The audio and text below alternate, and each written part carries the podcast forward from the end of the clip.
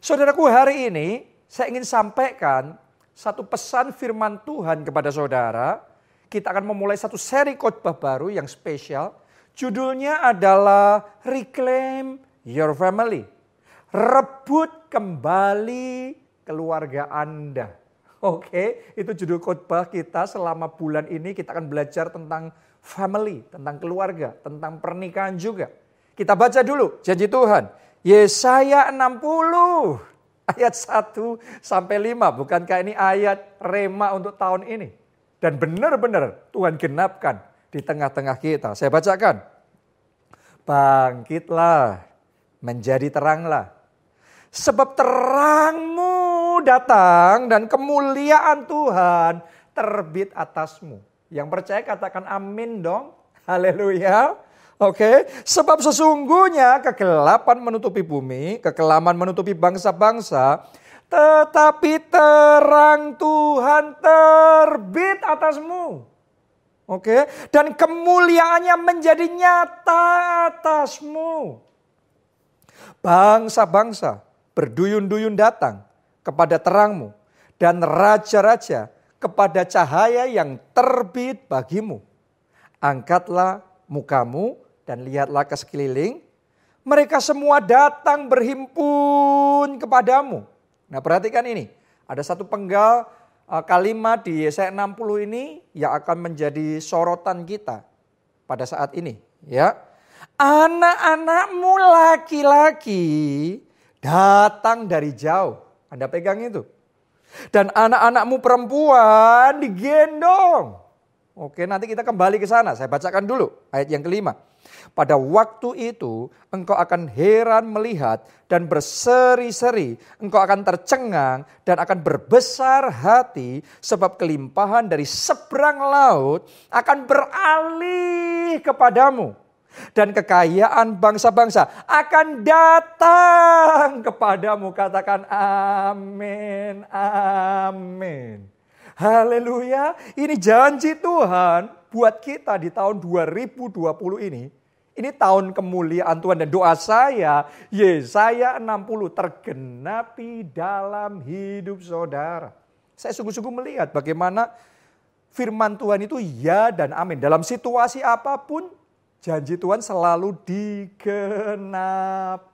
Di tengah bangsa-bangsa dalam kegelapan, dunia dalam kekelaman ini, Ya, tapi kita justru melihat sekarang ini pertobatan besar terjadi. Ini digenapi ya saya 60. Kita melihat bagaimana berkat yang luar biasa, bahkan berkat keuangan. Tuhan juga curahkan secara ajaib. Ya, tetapi saudaraku hari ini saya ingin membagikan kepada ada satu janji firman Tuhan yang terselip di sana. Yang tadi kita baca. Yang spesial kaitannya tentang keluarga kita masing-masing. Jadi Yesaya 60 ini juga bicara tentang tentang janji Tuhan bagi keluarga kita. Saya doa Anda bisa tangkap janji Tuhan ini dan Anda mengalami kuasa Tuhan, terang kemuliaan Tuhan dan sungguh-sungguh pemulihan keluarga terjadi. Oke, ya dituliskan di ayat yang kita baca tadi, anak-anakmu laki-laki datang dari jauh. Coba saudara pikirkan, kalau anak-anakmu laki-laki datang dari jauh, artinya dia sempat pergi jauh. Benar apa tidak? Dia dia sudah pergi jauh.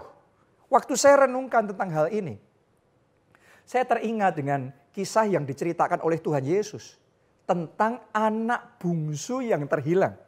Oke, dia pergi jauh meninggalkan rumahnya, pergi jauh meninggalkan bapaknya, pergi jauh meninggalkan keluarganya.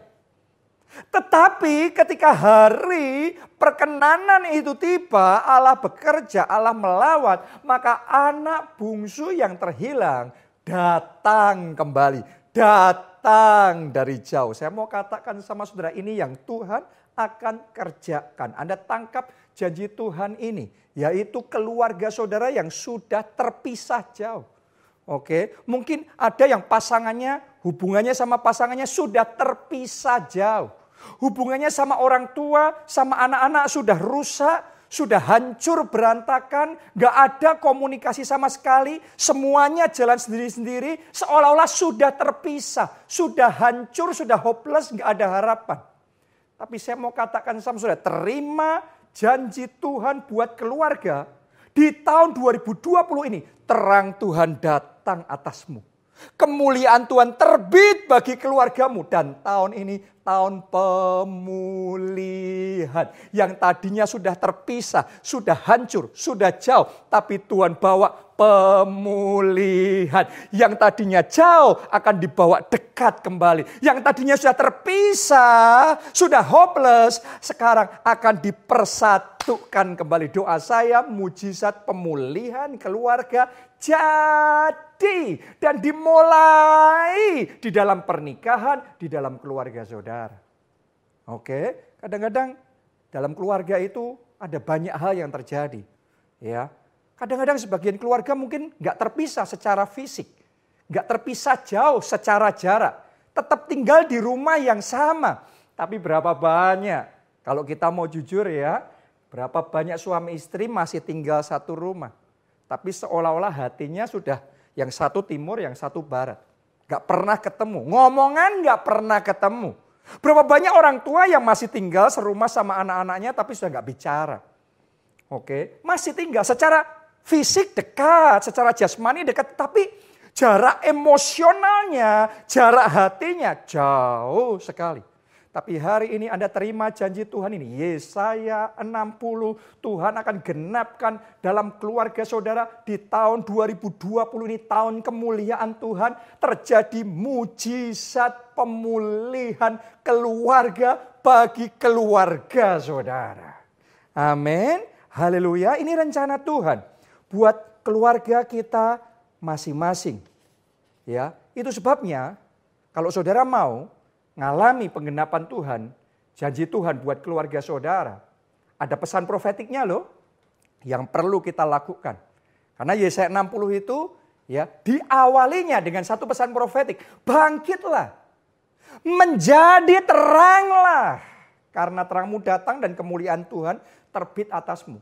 Jadi kalau terang kemuliaan Tuhan terbit atas keluarga saudara, Anda punya bagian yang harus engkau lakukan. Bangkit dan jadi terang bagi keluarga saudara. Apa itu? Gimana caranya? Saya jadi terang buat keluarga saudara. Dengarkan baik-baik. Ini pesan profetik buat kita semua. Bangkit dan rebut kembali keluarga saudara. Yes. Saudara harus lakukan itu. Ya, karena keluarga saudara itu yang paling berharga lebih dari harta apa pun yang Anda punya di dunia ini. Oke, mobil saudara berharga. Pekerjaan saudara berharga, keuangan saudara, rumah saudara berharga. Tapi saya mau katakan sama saudara, ada satu yang lebih berharga dari semuanya itu, yaitu family, yaitu keluarga. Jadi kalau sempat hilang, kalau sempat terpisah, kalau sempat jauh, hari ini saya sampaikan pesan Tuhan, bangkit jadi terang bangkit, rebut kembali keluarga saudara. Kenapa? Karena terang kemuliaan Tuhan. Karena roh kudus siap bekerja untuk membawa pemulihan bagi keluarga kita. Oke, jadi ada bagian yang harus kita lakukan. Kalau saudara mau yang hilang bisa ketemu, Anda harus aktif mencari. Oke, kita nggak bisa cuma pasif nunggu, nggak ngapa-ngapain. No, no, no. Ada bagian yang harus kita lakukan. Ya kalau saudara misalnya kehilangan barang di bandara atau di mana gitu. Saudara harus berusaha untuk mencari sampai ketemu. Demikian pula kalau kita mau terjadi pemulihan di dalam keluarga kita, kita harus berjuang, kita harus bangkit, kita harus aktif, kita harus agresif memperjuangkan supaya apa yang terhilang ketemu kembali. Kebahagiaan keluarga yang hilang, cinta keluarga yang terhilang, sukacita keluarga yang terhilang bisa ditemukan kembali dan mujizat pemulihan keluarga terjadi. Oke, itu namanya jadi pahlawan bagi keluarga. Oke, saya mau ceritakan sama saudara satu kisah di dalam Alkitab tentang seorang perempuan yang bangkit dan jadi terang bagi keluarganya, jadi pahlawan bagi keluarganya. Kita baca Ibrani 11 ayat yang ke 31. Saya percaya Roh Kudus mulai bicara sama saudara ya. Saya percaya terang kemuliaan Tuhan ini akan datang. Membawa pemulihan untuk pernikahanmu. Membawa pemulihan bagi keluarga Anda. Saya bacakan Ibrani 11 ayat 31. Karena iman. Maka Rahab. Jadi siapa yang kita bicara hari ini? Rahab. Oke. Rahab siapa dia? Perempuan sundal itu. Wow. Tidak turut binasa bersama-sama dengan orang-orang durhaka. Karena ia telah menyambut pengintai-pengintai itu dengan baik. Tahukah saudara yang kita baca ini Ibrani 11. Dan Anda bisa cek. Ibrani 11 itu isinya daftar saksi-saksi iman. Daftar pahlawan-pahlawan iman. Dan yang dicatat di sana itu nama-nama besar. Yang tercatat di sana nama-nama seperti kayak Abraham, Isa, Yakub, Musa, Daud. Wow, ini orang-orang hebat ya yang dengan iman kayak Daniel yang mengatupkan mulut singa dengan iman Daud menaklukkan kerajaan-kerajaan dengan iman Elia menurunkan api dari langit. Jadi ini pahlawan-pahlawan iman yang namanya beken-beken hebat-hebat tercatat di Ibrani 11. Ya, dari semua nama itu, eh ada satu nama yang kayaknya nggak pantas banget dicatat di sana. Yaitu Rahab. Kenapa? Tadi saudara baca sendiri. Perempuan sundal. Wow, gimana perempuan sundal dicatat termasuk di dalam saksi iman. Jadi pahlawan iman. Gimana masuk akal? Ternyata saudaraku, ya memang benar. Rahab itu tidak menurunkan api dari langit, melakukan mujizat yang spektakuler seperti yang lainnya. Tapi ada satu hal yang dilakukan oleh Rahab yang sangat spesial di mata Tuhan sampai-sampai namanya tercantum di sana. Apa itu? Yaitu Rahab menyelamatkan keluarganya. Jadi keluarga itu di mata Tuhan berharga. Kalau kita mau berjuang menyelamatkan keluarga kita, butuh iman yang besar di situ. Anda di mata Tuhan spesial, jadi pahlawan. Doa saya, saudara semua, jemaat keluarga Allah, apakah saudara suami, Anda istri, Anda anak, Anda orang tua, Anda semua bangkit jadi terang, bangkit jadi pahlawan bagi keluarga saudara. Ya, itu yang dilakukan Rahab. Kenapa kok sampai dia disebut pahlawan iman? Karena untuk menyelamatkan keluarganya butuh iman yang besar. Oke, Anda kalau teliti di dalam Alkitab, saudara akan menemukan bahwa untuk Rahab menyelamatkan keluarganya, dia harus ambil resiko besar. Ada dua pengintai yang diutus Yosua untuk memata-matai Yeriko, ya, dan di situ Rahab menolong mereka. Nah Anda harus tahu, kalau sampai yang dilakukan Rahab ini ketahuan sama orang Yeriko, resikonya besar. Dia bisa kehilangan pekerjaan, dia bisa kehilangan hartanya, dia bisa dihukum luar biasa, bahkan dia bisa kehilangan nyawanya sendiri. Wow, Luar biasa. Dia meresikokan segalanya. Nah setelah dia meresikokan segalanya, saya percaya seharusnya kalau dia mau dia bisa dapat upah, dapat imbalan yang sepantasnya dari para pengintai itu. Coba Anda pikir, untuk seorang perempuan sundal kalau dapat imbalan seharusnya apa yang dia minta? Mungkin uang, benar? Mungkin harta, mungkin emas, atau apa? Ya. Tapi hebatnya, luar biasanya Rahab meresikokan semuanya itu dia tidak minta imbalan uang, dia tidak minta emas, dia tidak minta yang lainnya, yang dia minta satu. Dia minta keselamatan keluarganya dijamin. Wow, ini dahsyat. Butuh iman. Saya berdoa saudara berjuang untuk keselamatan keluarga saudara. Kita baca ya apa yang dilakukan oleh Rahab ini. Yosua 2 ayat 12 sampai 13. Maka sekarang bersumpahlah kiranya demi Tuhan bahwa karena aku telah berlaku ramah terhadapmu. Ini Rahab sedang ngomong sama dua pengintai tadi. Ya. Kamu juga akan berlaku ramah terhadap kaum keluargaku. Oke, sekali lagi dia ngomongnya selalu keluarga. Dan berikanlah kepadaku suatu tanda yang dapat dipercaya. Ayat 13. Bahwa kamu akan membiarkan hidup ayah dan ibuku, saudara-saudaraku yang laki-laki dan perempuan dan semua orang-orang mereka dan bahwa kamu akan menyelamatkan nyawa kami dari maut. Jadi ternyata bagi Rahab keselamatan keluarganya adalah prioritas.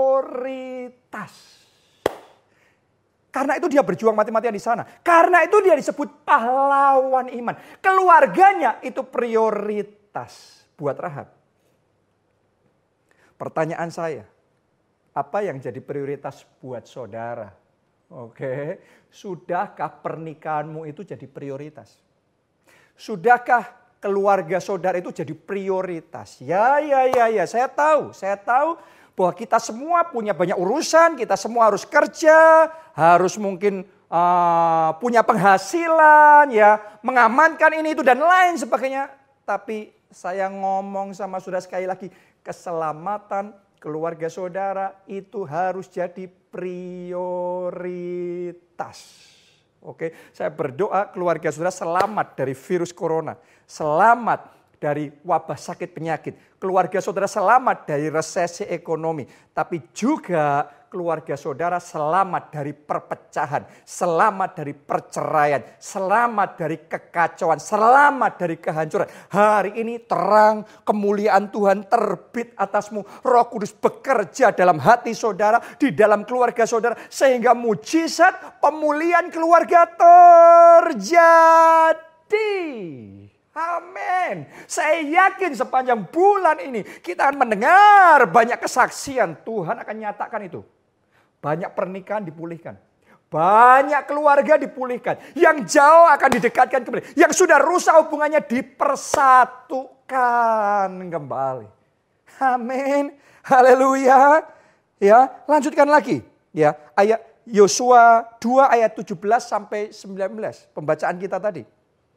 Ya, ini adalah petunjuk supaya keluarga Rahab bisa selamat. Nah kalau Anda mau keluargamu selamat, pernikahanmu selamat, terjadi pemulihan, perhatikan petunjuk ini. Kedua orang itu berkata kepadanya, dua pengintai ngomong sama Rahab, kami akan bebas dari sumpah kami ini kepadamu yang telah kau suruh kami ikrarkan. Sesungguhnya apabila kami memasuki negeri ini, Anda perhatikan ini haruslah tali dari benang kirmisi ini kau ikatkan pada jendela tempat engkau menurunkan kami itu di rumahnya. Oke, karena rumahnya Rahab itu persis di temboknya itu. Ya. Dan ayahmu serta ibumu dan saudara-saudaramu serta seluruh kaum keluargamu kau kumpulkan di rumahmu. Harus ada di rumahnya setiap orang yang keluar nanti dari pintu rumahmu harus sendiri menanggung akibatnya. Kalau darahnya tertumpah dan kamu dan kami tidak bersalah, tetapi siapa pun juga yang ada di dalam rumahmu, jika ada orang yang menciderainya, kamilah yang menanggung akibat pertumpahan darahnya. Jadi perhatikan baik-baik. Ada petunjuk yang perlu diperhatikan Rahab supaya keluarganya bisa selamat dari kehancuran, dari kebinasaan. Petunjuknya adalah semua keluarganya harus ada di rumahnya Rahab. Oke, harus masuk di rumah karena kalau di luar rumah dua pengintai itu ngomong kami nggak tanggung jawab. Ya, jadi yang di dalam selamat, yang di luar nggak selamat. Oke, jadi saya ingin ajak saudara juga pakai momen ini sekaligus untuk ajak saudara, ayo kita di momen seperti sekarang ini stay at home. Banyak, lebih banyak tinggal di rumah. Ya kalau nggak penting sekali saudara jangan banyak keluar, oke. lebih stay at home, ya. Nah, tapi begini, itu bukan rumah biasa. Rumah Rahab itu jadi special, jadi rumah keselamatan di mana orang di situ selamat. Kenapa? Karena di rumah itu sudah diikatkan dengan kain kirmisi. Jadi jadi ketika rumah itu diikatkan dengan kain kirmisi, maka rumah biasa jadi rumah keselamatan. Semua orang yang ada di rumah itu diselamatkan. Harusnya binasa, tapi tidak binasa. Sebaliknya, diselamatkan. Apa artinya buat kita? Saya mau ngomong begini sama saudara, keluarga saudara, itu rumah itu bicara keluarga kita. Keluarga kita harus diikatkan sama kain kirmizi itu. Kain kirmizi itu apa artinya buat kita? Saudaraku, Anda boleh pelajari di Alkitab, Anda akan temukan. Ya, kirmizi ini, ini segala sesuatu yang berkaitan dengan rumah Tuhan, dengan Tuhan, itu banyak menggunakan bahan-bahan dari kain kirmizi. Oke, banyak bahan di bait Allah menggunakan kain kirmizi. Ya, jubahnya imam juga pakai kain kirmisi. Oke, tabir bait Allah pakai kain kirmisi. Jadi semua yang di bait Allah kirmisi itu sangat sangat uh, dominan di sana. Kalau Anda juga nggak lupa, kalau saudara ingat, jubah yang dipakai oleh Tuhan Yesus juga kirmisi.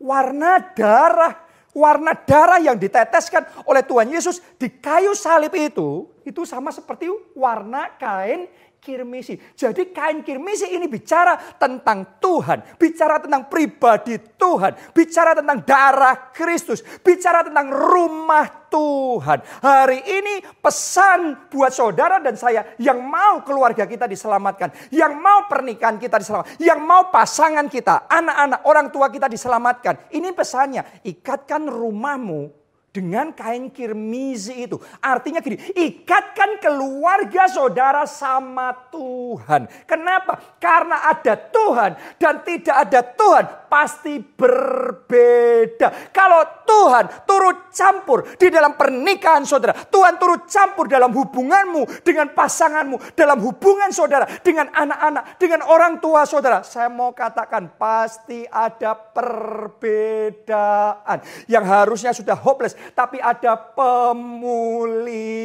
Rumah biasa jadi rumah keselamatan. Keluarga biasa akan dipulihkan, diselamatkan kalau ada Tuhan di dalam hidup saudara, di dalam keluarga saudara. Oke, jadi mungkin saudara bertanya sama saya, apa yang harus saya lakukan? Apa yang harus saya lakukan untuk mengikatkan keluarga saya sama Tuhan? Supaya ada keselamatan, supaya ada pemulihan. Yang pertama saudaraku, bawa keluarga saudara. Berjuang ya, berjuang untuk bawa keluarga saudara datang dan kenal Tuhan. Ya, ikatkan hati anak-anak saudara sama Tuhan. Konekkan hati pasangan saudara. Hati orang tua saudara sama Tuhan. Kalau Tuhan dilibatkan dalam keluarga saudara, pasti berbeda. Ada yang berbeda. Ya, jangan lupa saudara berjuang, ajak keluarga saudara untuk connect sama rumah Tuhan sama gereja Tuhan, sama ibadah. Anda sekarang kan kita belum boleh beribadah di gedung gereja seperti yang biasanya kita lakukan. Ya, tapi saudara bisa ajak keluarga saudara untuk ikut ibadah online seperti ini.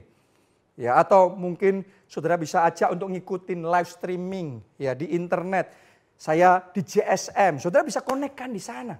Ya, karena ketika saudara berjuang untuk itu, hatinya terbuka sehingga ada connect antara kita sama Tuhan, antara keluarga kita sama Tuhan. Di situ terang Tuhan datang, kemuliaan Tuhan terbit, di situ Tuhan turut campur, Roh Kudus bekerja, maka kita akan diselamatkan, keluarga kita dipulihkan. Jadi libatkan Tuhan. Ya, jangan lupa pesan profetiknya. Apa tadi? Rebut kembali hati keluarga saudara. Rebut kembali. Mungkin anak-anak saudara sudah sempat terlibat dalam pergaulan yang salah. Jadi seperti anak yang terhilang, hidupnya mungkin berantakan kacau balau. Saudara jangan diam saja. Anda harus bangkit. Jadi pahlawan untuk keluarga. Seperti yang dilakukan Rahab. Rahab bukan orang yang spesial-spesial banget. Dia nggak ngelakuin mujizat-mujizat spektakuler. Tapi satu hal yang spesial yang dia lakukan, dia selamatkan keluarganya. Anda harus bangkit dan selamatkan anak-anak saudara. Anda harus berjuang, Anda harus berdoa, Anda harus berdoa puasa, berjuang semaksimal mungkin menyelamatkan anak-anak saudara. Buat Anda yang merasa pernikahan saudara sudah kayak telur di ujung tanduk. Sudah hampir kandas atau mungkin sudah sempat kandas saya mau ngomong sama saudara, bagi Tuhan tidak ada yang mustahil. Karena janji Tuhan di Yesaya 60 yang jauh akan dibawa kembali dekat. Pemulihan terjadi, kesatuan terjadi. Itu sebabnya hari ini bangkit jadi pahlawan buat keluarga. Bangkit dan rebut kembali keluarga saudara. Yang mungkin sedang ada dalam cengkeraman iblis. Yang sedang tersesat jalan. Rebut kembali. Berjuang kembali bagi keluarga saudara. Termasuk buat saudara yang merasa seolah-olah di momen ini. Kedekatan Anda sama keluarga sudah kayak jauh gitu. Secara jasmani masih bersama. Tetapi secara emosional, secara hati sudah jauh. Saya ajak saudara, ayo berjuang.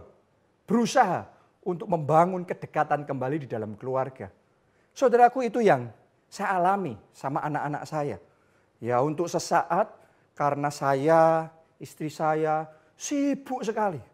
Ya, situasi seperti ini kita banyak sekali yang harus dikerjakan, banyak sekali yang harus dilakukan, memastikan semuanya karena perubahan. Tadinya ibadah offline, sekarang ibadah online, banyak penyesuaian yang harus kita lakukan. Jadi untuk sesaat ya, saya sama anak-anak saya rasanya kok kami itu jadi jauh. Ya, rasanya kita tinggal bersama tetapi seolah-olah anak-anak saya sudah sibuk sendiri. Sibuk mungkin dengan gadget, ya sibuk mungkin dengan bermain sendiri, ya secara kedekatan hati sudah sangat longgar sekali. Ya akibatnya hubungan itu jadi berjarak, akibatnya dikasih tahu kayak susah sekali anak-anak. Akibatnya kadang-kadang nggak mau dengar dan lain sebagainya. Itu terjadi ketika nggak ada lagi kedekatan, jadi jauh. Sampai di satu titik Tuhan mulai bicara di dalam hati saya. Tuhan mulai bicara tentang membangun kembali mesbah keluarga. Bangun mesbah keluarga itu sama seperti kita mengikatkan hati anak-anak kita, keluarga kita sama Tuhan. Ada ada kirmisi di situ, oke? Okay? Ya, Tuhan mulai bicara sama saya untuk bangkit dan rebut kembali hati anak-anak saya. Bangun kedekatan kembali sama anak-anak saya. Dan itu terus Roh Kudus bicara di hati saya. Sampai di satu titik saya nangkep rema yang dari Tuhan. Saya mulai bangkit, saya mulai berjuang, saya mulai paksakan diri saya. Saya mulai ajakin, ayo saya ajakin istri saya, saya ajakin anak-anak saya. Awalnya mungkin anak-anak saya rasanya gimana. Tapi saya mau bangkit jadi imam dalam keluarga. Untuk berjuang, membangun kedekatan keluarga. Saya haruskan. Ya, awalnya perjuangan, awalnya nggak mudah. Tapi ini rema dari Tuhan. Walaupun nggak mudah, berjuangnya harus sungguh-sungguh. Ya, akhirnya saudaraku, sekarang saya ngomong sama saudara saya bersaksi ya, luar biasa. Hari demi hari kami berdoa bersama. Setiap hari, hampir setiap hari kita berdoa bersama, kita menyanyi, menyembah Tuhan bersama, ya, kita sharing bersama apa yang Roh Kudus taruh di hati saya, saya bagikan kepada mereka, apa yang Roh Kudus taruh di hati istri saya, istri saya bagikan sama anak-anak kita, ya. Terus kemudian kita juga minta anak-anak kita sharing firman Tuhan yang mereka dapatkan sama kita. Wah, itu jadi momen yang indah. Anak-anak diisi dengan firman Tuhan, diajari dan ada kedekatan, ada tanya jawab. Mereka mulai tanya ini, tanya itu dan kita mulai bisa mengarahkan dan kita merasakan hadirat Tuhan semakin nyata. Kita merasakan anak-anak semakin terbuka hatinya, semakin mereka ngikuti jalan Tuhan, semakin mudah untuk diarahkan dan kita bisa merasakan kedekatan itu dipulihkan, pemulihan keluarga terjadi dan sungguh-sungguh sukacita keluarga kembali kami rasakan di dalam keluarga kita. Jadi saya ajak saudara ayo berjuang, berjuang. Bangkit dan rebut kembali kebahagiaan keluargamu. Sukacita di dalam pernikahan saudara itu perlu berjuang. Ya, untuk dan untuk berjuang seperti itu butuh yang namanya berkorban, khususnya Saudara kalau sama pasangan saudara sudah sempat banyak luka di hati, banyak kecewa, banyak sakit hati karena gesekan, karena ya beda paham dan lain sebagainya. Ya, saya mau ngomong begini, untuk pemulihan itu terjadi butuh korban, ya, butuh korban perasaan, butuh korban gengsi, kadang butuh korban harta, korban. Tapi ketika saudara berkorban, Anda berjuang kayak Rahab. Rahab untuk menyelamatkan keluarganya butuh berjuang. Saudara kalau mau menyelamatkan pernikahanmu engkau harus berjuang. Kalau saudara mau melihat pemulihan terjadi di dalam pernikahan saudara, ada sukacita yang baru dalam pernikahan saudara, butuh berjuang. Ya saya sama istri saya sempat, kami juga ngalami rasanya hati itu jauh. Ya karena kadang-kadang terjadi gesekan, terjadi benturan, ya. Ada pikiran-pikiran yang berbeda satu dengan yang lain. Ya saudara jangan berpikir hanya karena kita sama-sama pendeta maka nggak ada perbedaan pikiran. Ya justru karena sama-sama leader sama-sama pemimpin saudaraku. Sama-sama kemauannya kuat ya kadang-kadang benturannya bisa lebih keras. Ya dan kalau sudah kayak gitu kadang-kadang ya ada kekecewaan ada luka di dalam hati terus kemudian mulai ada tembok dalam hubungan mulai mulai jauh satu dengan yang lain masih tinggal bersama kita komitmen sungguh-sungguh Ya, tapi hubungan dan kedekatan dan hati itu jadi jauh. Sampai di satu titik roh kudus mulai bicara di dalam hati saya. Rebut kembali hati keluarga. Rebut kembali hati pasanganmu. Roh kudus mulai menyadarkan saya. Dan roh kudus mulai bicara memberikan rema kuat sekali di dalam hati saya. Ya, di situ saya tangkap pesan dari Tuhan. Di situ saya ngerti yang Tuhan mau dan di situ saya ambil keputusan. Ya, walaupun mungkin kalau kalau apa tuh namanya kita menginginkan pemulihan keluarga, butuh dari pihak kita korban. Ya, korban itu mengalah untuk menang. Ya, saudara kadang-kadang ya sudah harus menerima apa adanya. Harus bisa ngerti, harus bisa ya sudah oke. Okay. Ya. Ketika saudara mau korban, saya mau ngomong begini, pengorbanan saudara tidak akan sia-sia. Ya kalau kita nggak mau korban, kita pada pendirian kita masing-masing, gengsinya kita sendiri-sendiri, pikiran kita sendiri-sendiri, nggak bisa. Nggak ada pemulihan. Hari ini saya mau katakan sama saudara, berani korban, berani jadi pahlawan bagi keluarga. Walaupun nggak enak, walaupun kita ngerasanya gimana. Tapi kalau Anda berani korban, buat pasangan, buat pernikahan saudara. Di situ terang Tuhan akan datang, kemuliaan Tuhan terbit. Di situ pemulihan akan terjadi. Anda akan menemukan kembali sukacita yang baru di dalam pernikahan saudara. Ya, sekarang ini kalau saya boleh saksi sama Anda, ketika pemulihan Tuhan kerjakan, ya saya sama istri saya kita ngalami sukacita yang baru di dalam pernikahan kita. Kita ngalami yang namanya indahnya, yang namanya luar biasanya, sukacitanya. Kita hidup bersama sebagai suami, sebagai istri, bersama dengan anak-anak, satu keluarga, cinta Tuhan bersama-sama, saling mencintai, saling mengasihi. Dan kita sungguh-sungguh ngalamin pemulihan keluarga. Jadi di bagian akhir dari firman Tuhan ini, saya mau ajak saudara, saya mau tantang saudara. Mari kita buka hati kita. Mari kita undang Tuhan di dalam kehidupan kita. Saya mau tanya sama saudara, apakah saudara mau mengalami pemulihan keluarga itu? Apakah saudara mau Yesaya 60 tergenapi yes, di dalam amen. keluarga saudara? Amen. Apakah saudara mau untuk mendengarkan pesan profetik dari Tuhan? Pesan profetiknya apa tadi? Rebut kembali keluarga Anda. Apa saudara mau jadi pahlawan yang berjuang untuk merebut hati keluarga? Apakah saudara mau korban buat keluarga saudara? Anda yang mau, mari angkat dua tangan saudara. Masing-masing di hadapan Tuhan. Saudara ikuti kata-kata saya ini. Ya Tuhan Yesus. Ya Tuhan Yesus. Jamah hatiku. Jamah hatiku. Aku mau. Aku bangkit jadi terang bangkit bagi jadi keluarga. Bagi keluarga. Jadi pahlawan. Jadi pahlawan bagi keluarga. Bagi keluarga. Aku komit. Aku komit merebut, merebut Rebut keluargaku kembali keluargaku sampai diselamatkan. Sampai. Mari semuanya berdoa. Saya ajak semuanya berdoa. Semua berdoa. Ora la pasyara la pasyara la. Saya ajak saudara semuanya sampaikan komitmenmu sama Tuhan. Aku mau Tuhan kembali berjuang. All out berjuang. Bahkan berkorban bagi pemulihan keluarga. Bagi pemulihan pernikahan. Seperti yang dilakukan Rahab. Yaitu menyelamatkan keluarga. Memprioritaskan keluarga. Ora lawasya. Doa saudara, doa. Doa Tuhan beri kekuatan. Supaya aku tidak tawar hati. Supaya aku tidak putus asa. Supaya aku tidak lemah hati. Beri kekuatan untuk berjuang bagi pemulihan keluarga.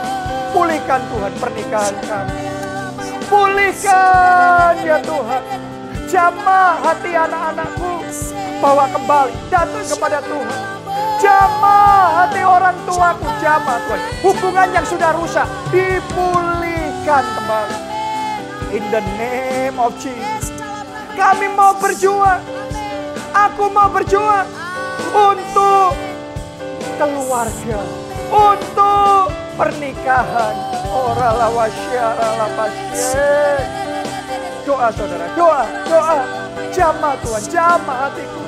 Jamah ya Tuhan, jamah. Jamah, sadarkan. Aku mau rebut kembali keluarga. Sehingga keluargaku diselamatkan. Saudaraku, apa pun keadaan keluarga saudara. Saya mau ngomong begini. Secara manusia bisa jadi tidak ada harapan. Tetapi di dalam Tuhan selalu ada harapan. Oke, mungkin secara manusia pernikahan saudara sudah terlalu rumit, terlalu banyak luka dan kecewanya. Tapi saya mau katakan, kalau ada kirmizi, kalau ada Anda libatkan Tuhan di dalam keluarga, maka pemulihan masih bisa terjadi. Oke, ini janji Tuhan. Yesaya 60, saya tahu di bulan ini akan banyak sekali pernikahan yang dipulihkan. Amin. Saya tahu di bulan ini, mulai bulan ini banyak keluarga mengalami pemulihan. Anak yang terhilang dipulihkan kembali Amin. kepada keluarga. Oke, pasangan yang terhilang, mungkin suamimu sempat terhilang, pergi tinggalkan keluarga. Tapi Tuhan akan lakukan pemulihan. Itu terjadi ketika terang Tuhan datang. Kemuliaan Tuhan terbit. Kuasa Tuhan bekerja. Yang mau angkat dua tangan. Ikuti doa saya. Katakan di dalam nama Yesus. Dalam Yesus.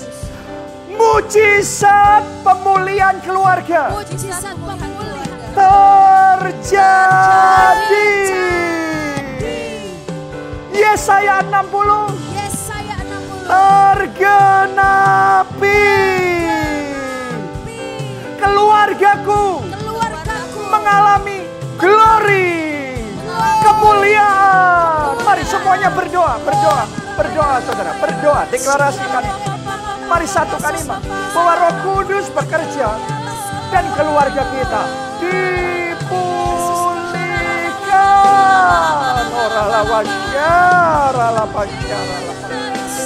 Oh keluarga kita dipulihkan. Pernikahan kita dipulihkan. Apa yang sempat hilang dikembalikan. Kebahagiaan yang sempat hilang dikembalikan. Sukacita pernikahan yang sempat hilang dipulihkan. Oh, anak-anak yang sempat terhilang dipulihkan, diselamatkan. Kami percaya keluarga kami dipersatukan.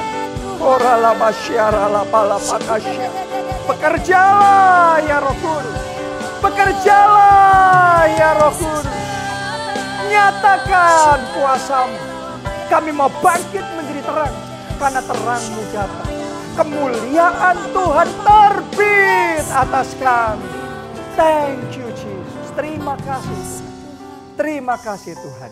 Janjimu sempurna. Kami tahu sesuatu yang indah sudah dimulai. Dalam nama Tuhan Yesus kami berdoa. Semuanya kita katakan Amin. Amin.